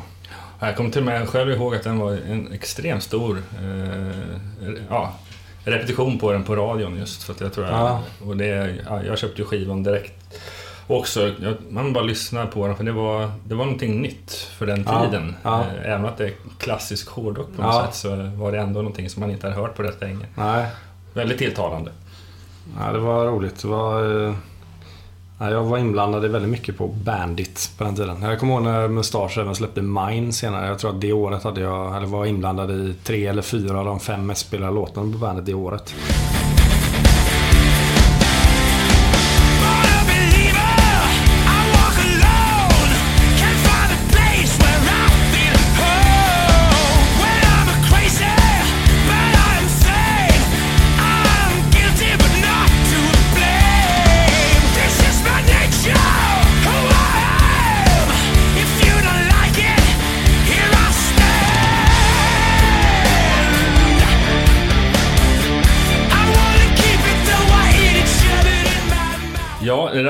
Double Nature med Mustasch. Det var sista låten med Thomas. Så nu ska vi gå in på sidekicken Ömers. Är det dödslista eller musiklista? Det är musiklista den här gången. Det är blandat lite... eh, Det är roligt. Det är roligt den här gången. Det är inte blandat. Det är väldigt blandat. Självklart det är blandat, men det är roligt också. Ja, men ibland är det blandad döds, ibland är det blandad musik. Ja, ni kommer få en massa surprise idag. Den första låten är med mångsysslaren Snowishaw. Hans nya singel Fire. Eh, Snowishaw har ju varit med i massa band som trummisen i Sabaton, eh, King Diamond, Dimmy Borg och serien. Det här är hans solo, eh, projekt under namnet Snowishaw och låten Fire. Fire!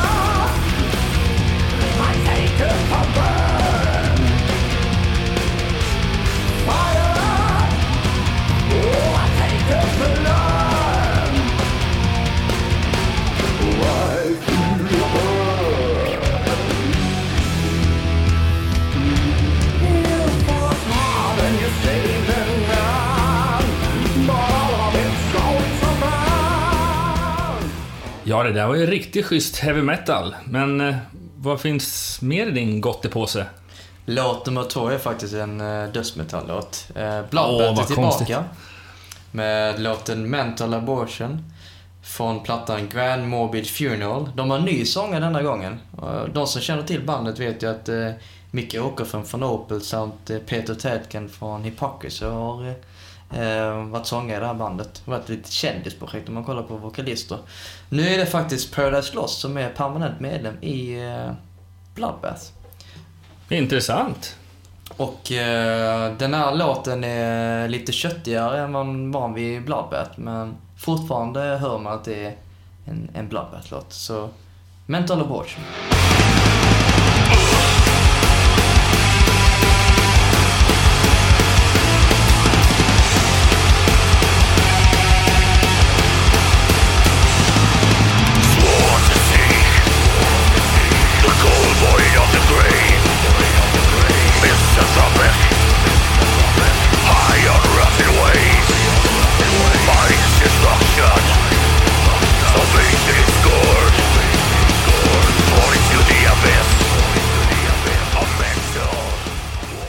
Ja, det var ju riktig dödsmetall det där. Men det är det man är van att höra från dig, Ömer.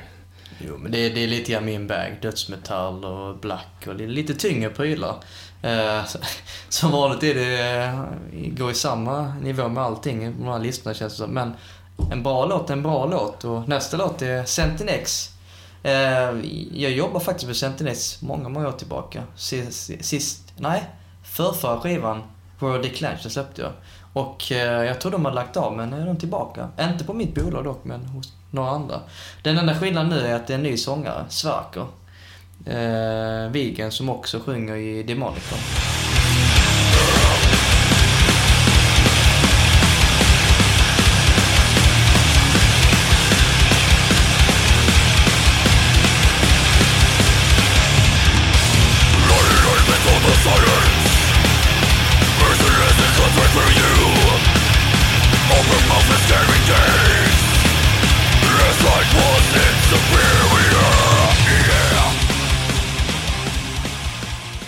Ja, det där var Centinex. Vad har du för nästa låt? Jag, nu vill jag ha någonting riktigt rockigt. Nästa låt kommer du nog kanske uppskatta. Det är inte dödsmetall, det är så här, eh, ja, otippat val av mig faktiskt. Monster Magnet är... Monster Magnet? Ja, det är det. Men det är ingen traditionell Monster Magnet-låt, utan den här eh, låten är väldigt eh, blues-influerad.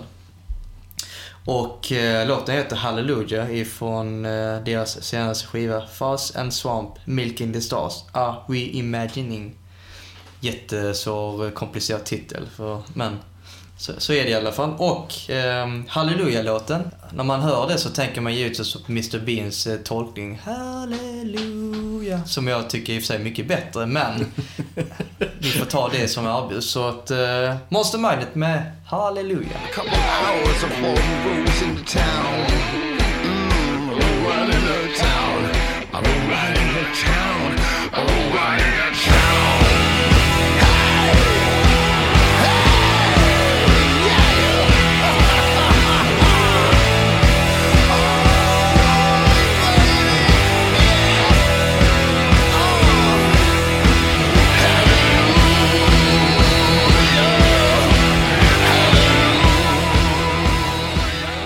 det där var alltså Halleluja med Monster Magnet. Det är alltså andra programmet som Monster Magnet får vara med på den här listan. Det är bara det är en bedrift. Men eh, vilken låt avslutar du med?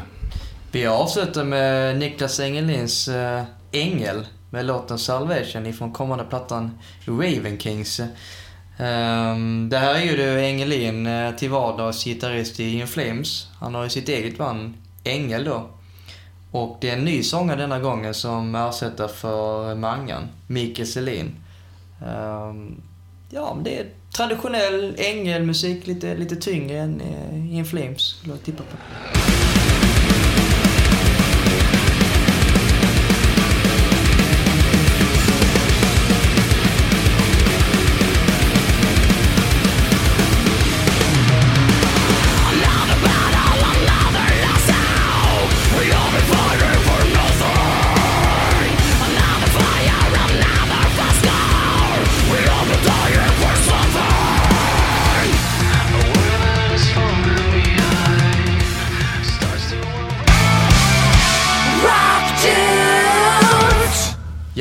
Jonas, nu har vi kommit till eh, din topp 5-lista och eh, ja, det är väl bandit-musik rakt igenom misstänker jag, eller nej? Vad är första låten? Bandit-musik, ja. Jag gillar ju rockstationen Bandit, så är det ju. Ja, första låten är väl verkligen en Bandit-låt. Det kan man eh, verkligen säga. Och det är Nickelback och deras nya låt Get Em Up ifrån nya skivan No Fixed Address.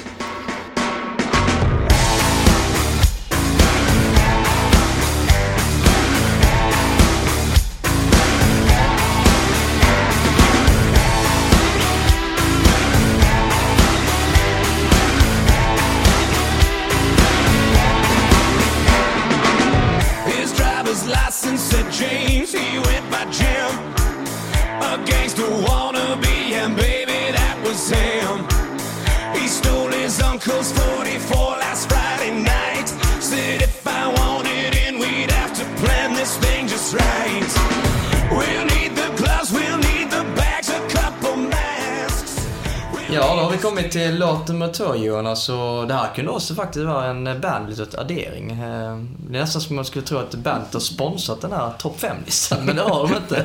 Ja, just nu så är det kanske... Det här är faktiskt kanske mitt nummer ett band nästan just nu. Eh, livemässigt, när man går och ser dem live. Jag har sett dem ett otal gånger. Både på Tyrol och på festival. Senast på, på Getaway Rock i Gävle i augusti. Ja, nej, man står ju inte stilla en enda sekund och det är ungefär det som jag tycker Airborne lyckas med, att de även lyckas göra det på skiva. Eh, jag väljer första spåret, Ready to Rock, ifrån skivan Black Dog Barking.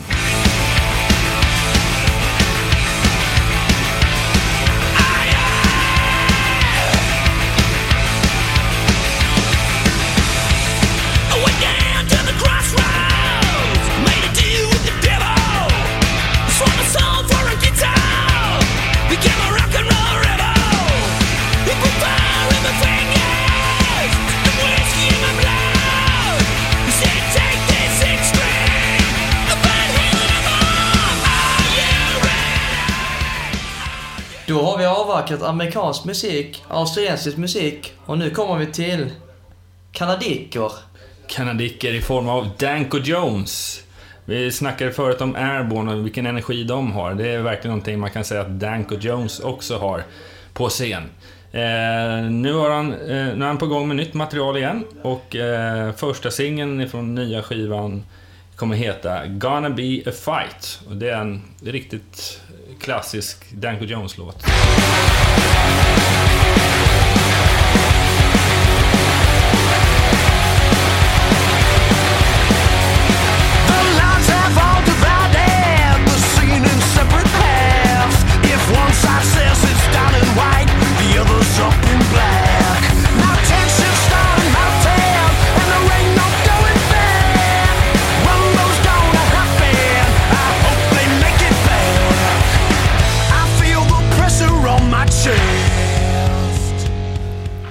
Till något nordiskt. Ett danskt band. Som faktiskt har lirat med eh, med mina tjejer, Christopher Barbara.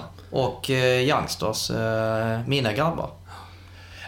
Det är, det är synd att kalla ett band för världens bästa förband, men om man nu skulle vilja säga det epitetet så är Supercharger är verkligen skitbra uppvärmning, men de klarar sig lika bra själv såklart också. Men eh, de släppte ju nytt material i början på året här, så det är inget rykande färskt, men det var släppt i år. Och eh, den här låten Blood Red Lips, den, som de eh, spelar in tillsammans med Raffe från Mustasch. En riktigt bra tryckare. Mycket energi. Skön låt.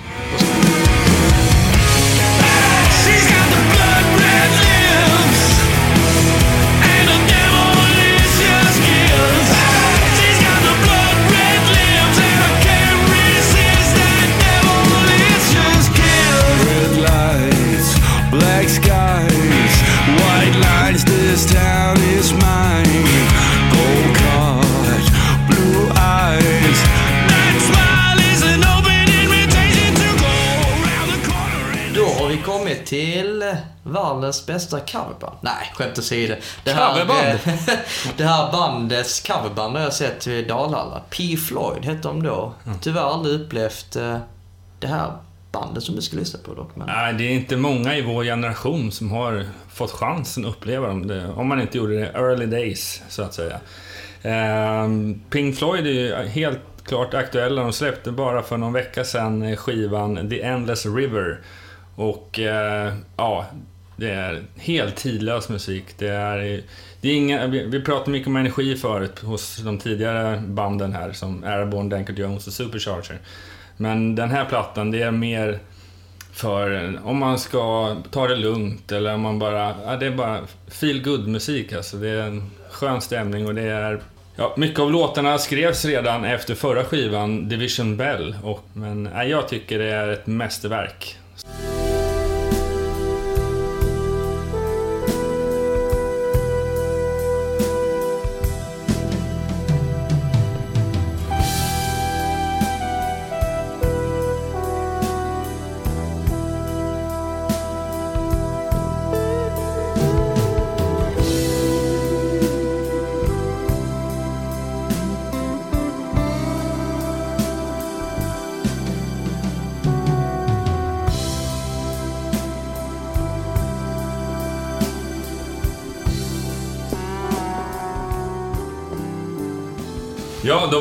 Avsnitt fyra avverkat. Våra gäst Thomas Jernberg. Väldigt trevligt att ha med dig i programmet. Ja, det var sjukt kul att vara här. Tack så hemskt mycket för att få förbi, Jernberg.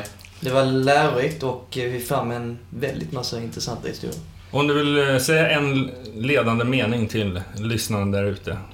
För de som kanske vill jobba med management eller liknande. Vad skulle det vara? Tro på dig själv, jobba hårt, kör hårt.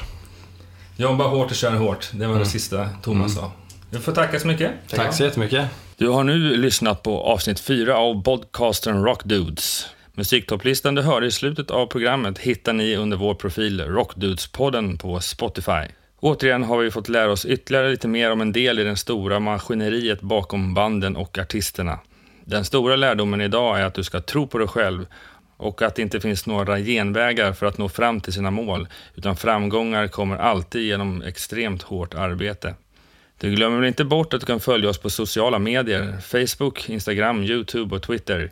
Sök på Rockdudespodden. Vi vill tacka vår sponsor J-Leaf IT och Media. Vignettmusiken är inspelad av Jonas Hermansson, Peter Månsson och frontkvinnan i Crucified Barbara, Mia Colehart. Tack så mycket för att ni har lyssnat på Rockdudes med mig Jonas Löv och Ömer Akai. Nästa avsnitt hör du på annandag jul. Fram tills dess, rock on! Rock dudes.